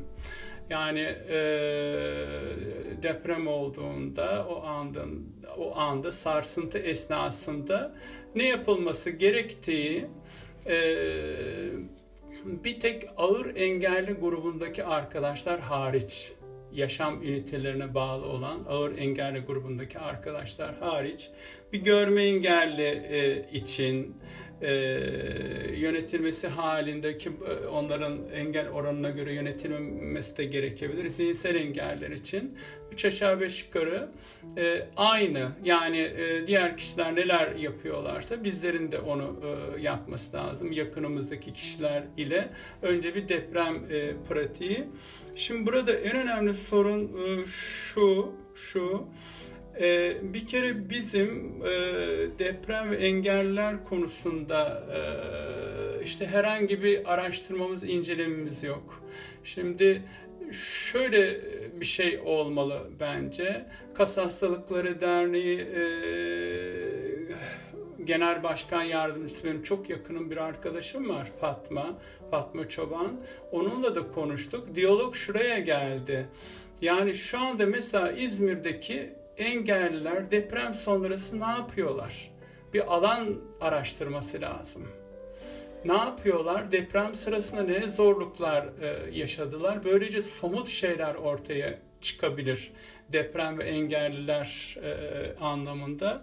Keza büyük bir deprem yaşandı. 99 depremi. Orada da böyle bir şey olmadı. Hı hı. Öncelikle e, deprem sonrasında ki deprem öncesi için e, bir e, rehber olması anlamında böyle bir alan araştırması lazım. Maalesef e, bu konuda engelliler e, Türkiye'de ihmal ediliyor pek çok konuda ihmal edildikleri gibi. Şimdi en önemli hadise şu, Mesela kas engelli e, arkadaşlar, e, ileri derecede kas engelli olan arkadaşlar yaşam ünitesi olarak solunum cihazlarına bağlı oluyorlar. Yani solunum cihazları olmadan, ona bağlanmadan e, nefes alamıyorlar. Deprem esnasında elektrikler kesiliyor. Yani bina yıkılmasa da elektrikler kesildiği için o arkadaşların e, hayati tehlike yaşamaları söz konusu. E, onlara nasıl destek verilecek, jeneratörler nereden alınacak vesaire gibi bilhassa e, yaşam destek ünitelerine bağlı engellerin durumu e, kritik e, gözüküyor. E, diğer engeller için de işte e, depremden önce e, şey yapılması lazım. Yani normal kişiler için e, olduğu gibi deprem planının e, olması hı hı. lazım. E, ve biz şunu öneriyoruz. E, Fatma da bu konuda bir şeyler yazıp çizip paylaşacaktı. Şu anda İzmir'deki engellerin depremden sonra yaşadıkları neler? Bir alan araştırması gerekiyor. Bu ne kadar ilginç bir ilk olacak. Yani ilk olacak kendi özgün e, deprem ve engeller konusundaki bir rehber broşür belki ortaya çıkacak. Ee, özetle özetle böyle en kritik durumda olanlar yaşam ünitesine bağlı e, engelli arkadaşlar. Diğer e, engellerin hemen hemen hepsi e, normal kişiler gibi e, ne yapıyorlarsa sarsıntı sırasında işte cenin pozisyonu alacaklar ve e, sarsıntı bittikten e, sonra eğer çıkabiliyorlarsa e, dışarıya e, çıkacaklar. Ee, özetle böyle yani mevcut internetteki metinleri ben çok şey yapmıyorum, tutmuyorum. Ee, bunları söyleyebilirim deprem ve engeller e, konusunda. Hı hı. Aslında depremleri konuşurken hep ölümler üzerinden konuşuyoruz. Halbuki pek çok insanın sakat kalmasına sebep olan unsurlardan birisi doğal afetler. Tabii. Çok teşekkür ederim. Yani bu çok e, güzel bir soruydu. Şimdi engelliliği üreten kaynaklar var. Ee, işte nedir? İş kazaları, trafik kazaları, e, akraba evlilikleri, doğal afetler, bunlar engelliliği e, üretiyorlar. E, şimdi bu manada, bu manada deprem de bir doğal afet. E, genelde vefat e, edenler, işte oradan kurtarılanlar falan konu oluyor ama birçok da engelli bırakıyor ardında.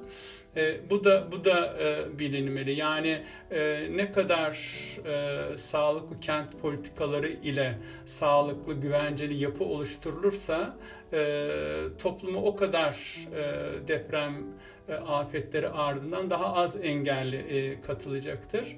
Şimdi bir de şu var biz genel yaklaşım e, olarak hak temelli sosyal modeli savunan e, engeller olarak ki bütün engeller üç aşağı beş yukarı bunu savunuyorlar ya da savunmalılar. Bu konular aslında e, devletin uhdesinde olan konular. Yani e, istenirse bu engellilik kaynakları e, en üst düzeyde kurtulabilir. Mesela trafik kazaları aşağı çekilebilir, iş kazaları aşağı çekilebilir, afetler sonrasında e, yaşanabilecek e, kayıplar, engellik vesaire aşağı çekilebilir. Bu konuda e, asıl sorumluluk e, devlete e, düşüyor. E, çok teşekkür ediyorum. Hakikaten deprem e, sadece e, bir takım insanları yaşamdan koparmıyor, birçok da engelli üretiyor. E, peki Necdet, e, şimdi ben de mesela Van depremi olduğu zaman e, sanıyorum e, ilk birkaç gün sonra e, Van'a gitmiştim dayanışmak için. E, Van'da da işte Marmara depreminde de bu son İzmir depreminde de daha doğrusu hani bu tarz büyük hasarlar yaratan depremlerde genelde e, basın işleyiş biçimi sorunlu buluyorum basının ve aslında insanların sosyal medyadaki paylaşımlarını da sorunlu buluyorum. Mesela işte afetlerde çocuklara karşı çok sorumsuzca davranıldığını düşünüyorum. Bu son depremde de benzer şeylere tanık olduk. Çocukların fotoğrafları işte kimi zaman umut adına iyi niyetli bile olsa, kimi zaman öfkeyi göstermek için e, falan e, çok çokça paylaşıldı yani yüzlerinin göründüğü, e, enkaz altındaki hallerinin göründüğü falan fotoğraflar. E, ben bunu açıkçası biraz sorumsuzca buluyorum. Çünkü e, hem her pek çok açıdan bunu e, kötü buluyorum. E, benzer travmalar yaşamış insanlar olabilir. Yani çocuklarını depremlerde kaybetmiş insanlar, afetlerde ya da işte ne bileyim e, benzer bir deneyim yaşamış insan olabilir. Onların travmalarını hatırlatmak adına da kötü bir şey olduğunu düşünüyorum. İkincisi de çocuklara karşı bir sorumluluğumuz olduğunu düşünüyorum. Hani onların bedenleri bu kadar e, fütursuzca kullanılması bana kötü geliyor ki bu çocuklar iyileşip e, hayata devam etmeye başladıklarında e, bu fotoğraflar dolaşımda olacak ya da e, üzerinden yıllar geçtikten sonra da bu fotoğraflar internette do, bulunacak yani hani e, çok rahat Google'ladığında çok geçmişe ait fotoğraflar bulabiliyorsun. Sen nasıl bakıyorsun bu konulara? Yani senin de e, aslında o konuya da değineceğiz ama bir gazetecilik geçmişi serüvenin var evet. ve Marmara Depremi ile ilgili evet. söyleşiler yapmıştın yanlış hatırlamıyorsam. Doğru. Doğru. Ee, gazeteci olmaktan çok me- medyaya 3,5-4 yıl misafir olmuştum. Ee, yani 3,5-4 yılda bir gazetecilikten ziyade medyayla tanışma e, sürecim benim. E, gerçi e, o dönemde profesyonel e, manada Bursa'da e, Bursa 2000 gazetesinde daha sonra hakimiyet oldu. Bursa 2000 gazetesinde çalışıyordum. Şimdi e, haklısın e, çocukların e, fotoğraflarının o kadar yaygın bir şekilde paylaşılmasını ben de doğru e, bulmuyorum. E, öncelikle e, o fotoğrafların e, sahipleri çocuklar. Yani çocukların e, bence rızası olmayacaktır gerçekten bilinçli olabilseler. Belki sınırlı anlamda bir iki fotoğraf olabilir ama deprem anında ayrı fotoğraf, ayrı video çekimleri, hastanede ayrı fotoğraf, bir dolu, onların yanına giden politikacılar olabiliyor. Onlarla e, çekimler vesaire ben de bunu sağlıksız e, buluyorum. Yani e, sen de dediğin gibi e, hem çocuklarını daha önceki depremlerde kaybetmiş aileler için, ebeveynler için e, travma olabilir. Daha sonra o çocuklar e, büyüyecekler. Onlar için travma olabilir. E, mahdut sınırda bence fotoğraf e, alınabilir. E, yani birçok şeye sansür konuluyor. E, medyada bence e, sansür konulması gereken, daha az paylaşım yapılması gereken e, konulardan bir tanesi de bu. Ben de e, karşıyım çocukların e, bol miktarda fotoğraflanıp e, medyada paylaşılmasına. Bir de şöyle bir şey var yani şimdi internet ortamına giren bir şey o e, web sitesine ulaşım engellenilmediği sürece yıllarca orada kalıyor. O çocuk 5 evet, sene sonra Evet kaybolmuyor. 5 sene sonra, 10 sene sonra, 15 e, sene sonra her neyse onu orada görecek. Sağlıksız buluyorum. Yalnız deprem ve çocuklar denildiğinde bir de benim işaret etmek istediğim bir konu var. E, Yalova depreminden hareketle.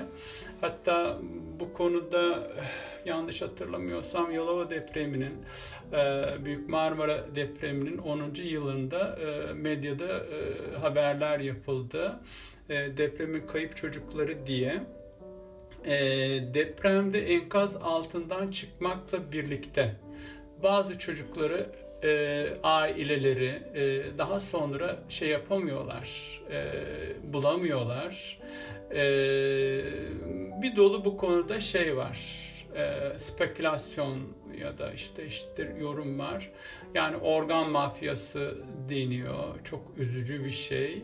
Ee, işte e, bazı ailelerin o çocukları bazı ailelere çocuksa çocuksuz ailelere o çocukların satıldığı e, söz konusu olabilir deniyor. Her ne olursa olsun enkaz altından çıkmış o bölgede görülen e, en az isimleri de şu anda belli olan 5-6 çocuk var. Aileleri onlara ulaşamıyorlar. E, bu manada e, bizlere düşen, e, yetişkin kişilere düşen deprem sonrasında e, ortalıkta böyle gezen çocuklar e, görüldüğünde hemen onlara sahip e, çıkılmalı. E, çünkü onlar kendilerini yönetemiyorlar. Sahip çıkılıp e, doğru ellere teslim edilmeli.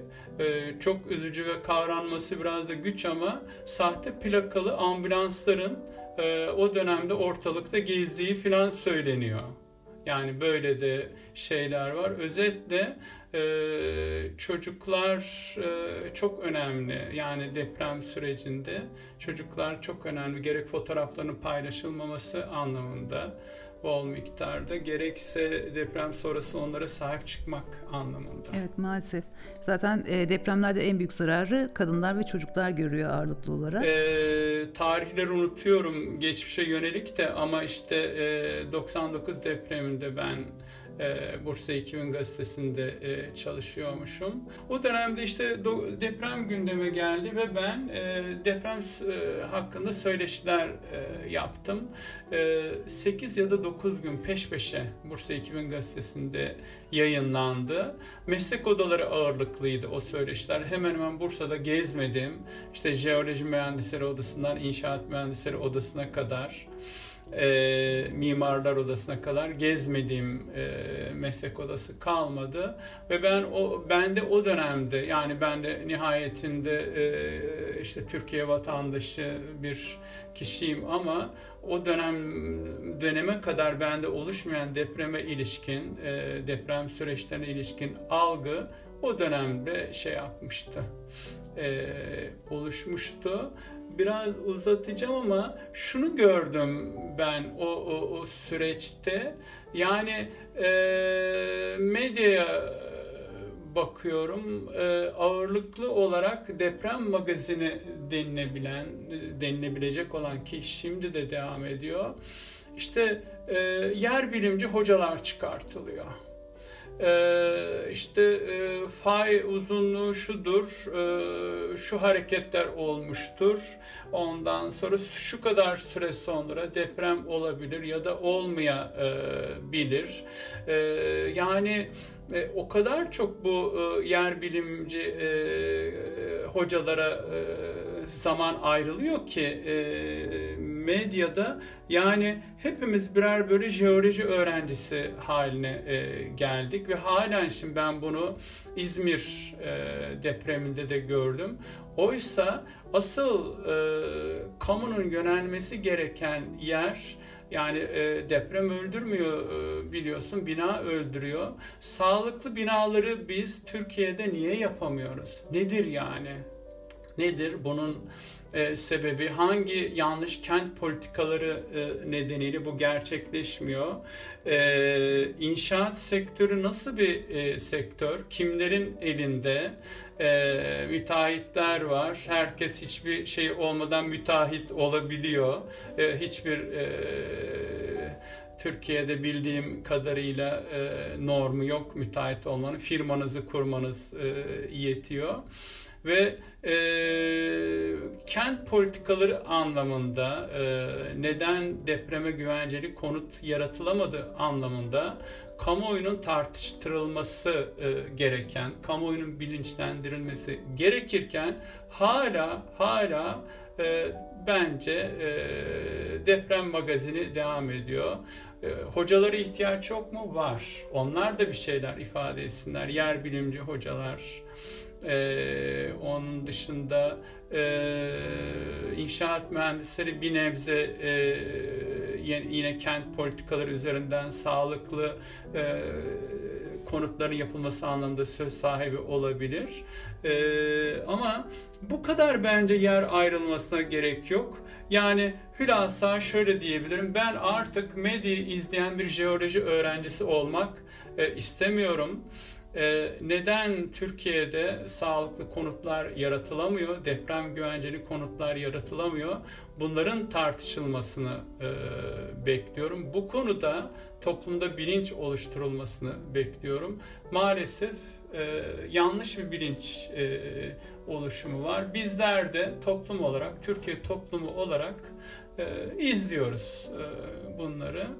E, bakışım bakışım böyle. Yani bu algının bu bu e, şeyin değişmesi lazım bence. Ee, aslında e, insanların ölümlerine, yaralanmalarına, sakat kalmalarına sebep olan şey depremler değil, e, binalar. Evet. E, haliyle binaların iyileştirilmesi ve depreme karşı önlemlerin e, alınması gerekiyor. Evet. Ne yazık ki Türkiye'de bu konuda çok fazla yatırım yapılmıyor ve ilgilenilmiyor diyeyim. İşte bunun tartışılması lazım. Bu tartışmalar yapılmadan, bu konuda kamuoyu bilinçlendirilmeden ya da e, bu konuda kamuoyu halk aktif hale getirilmeden biz bol bol e, yer bilimci hocaların e, sohbetlerini dinliyoruz.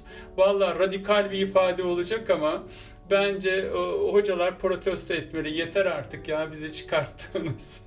biz, biz amfide anlatalım bunları üniversitede. Hakikaten öyle ama. Yani matematik hesaplarına kadar anlatıyorlar. Ben ben rahatsız oluyorum. Amfide anlatsınlar onları. O hocalar da desinler ki tamam biz konuştuk yeter artık. Yani nasıl e, bu ülkede sağlıklı konut e, yapılabilir ya da neden yapılmıyor? Rant nedir? Yani belediyelerde bu işler nasıl dönüyor? E, bütünsel manada merkezi iktidarın eksikleri nelerdir? E, yani bunlar tartış tartışılsın denilmesi lazım. Çünkü insan hayatı çok çok ciddi bir konu. Ve biz ölüyoruz, ölüyoruz her sarsıntıda ama asıl asıl toplumun yönelmesi e, gereken e, bilinç anlamında bir bir şey yok e, maalesef.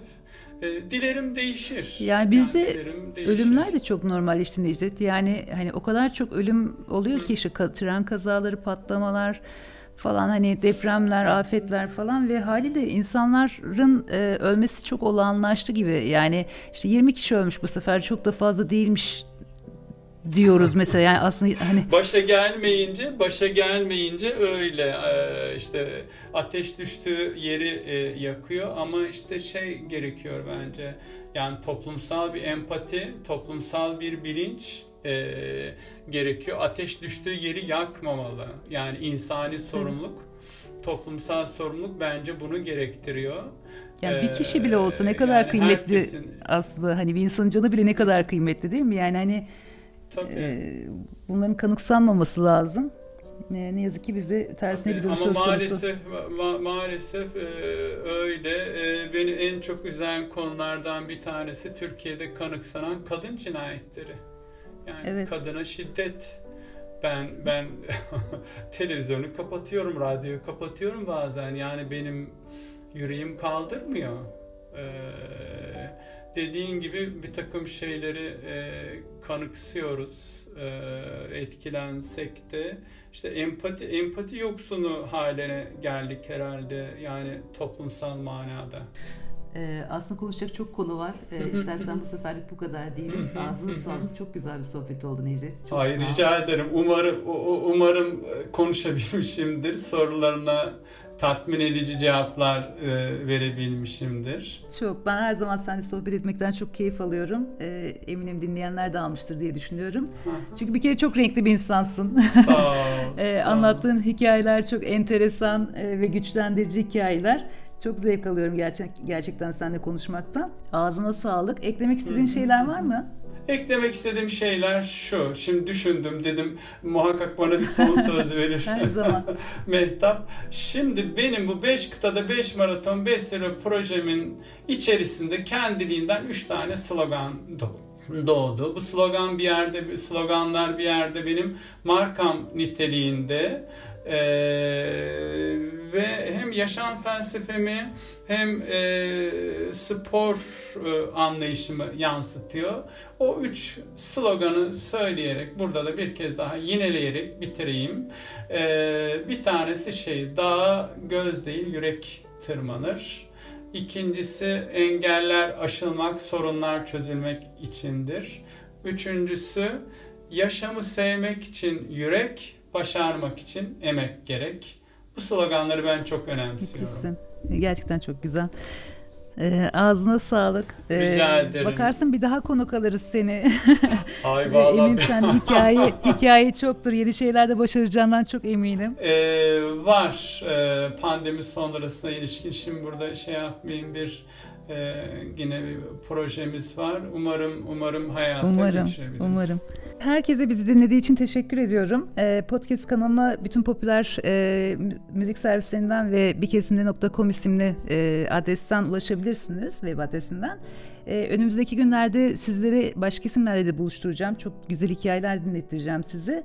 Tekrar görüşmek üzere diyorum. Hoşçakalın.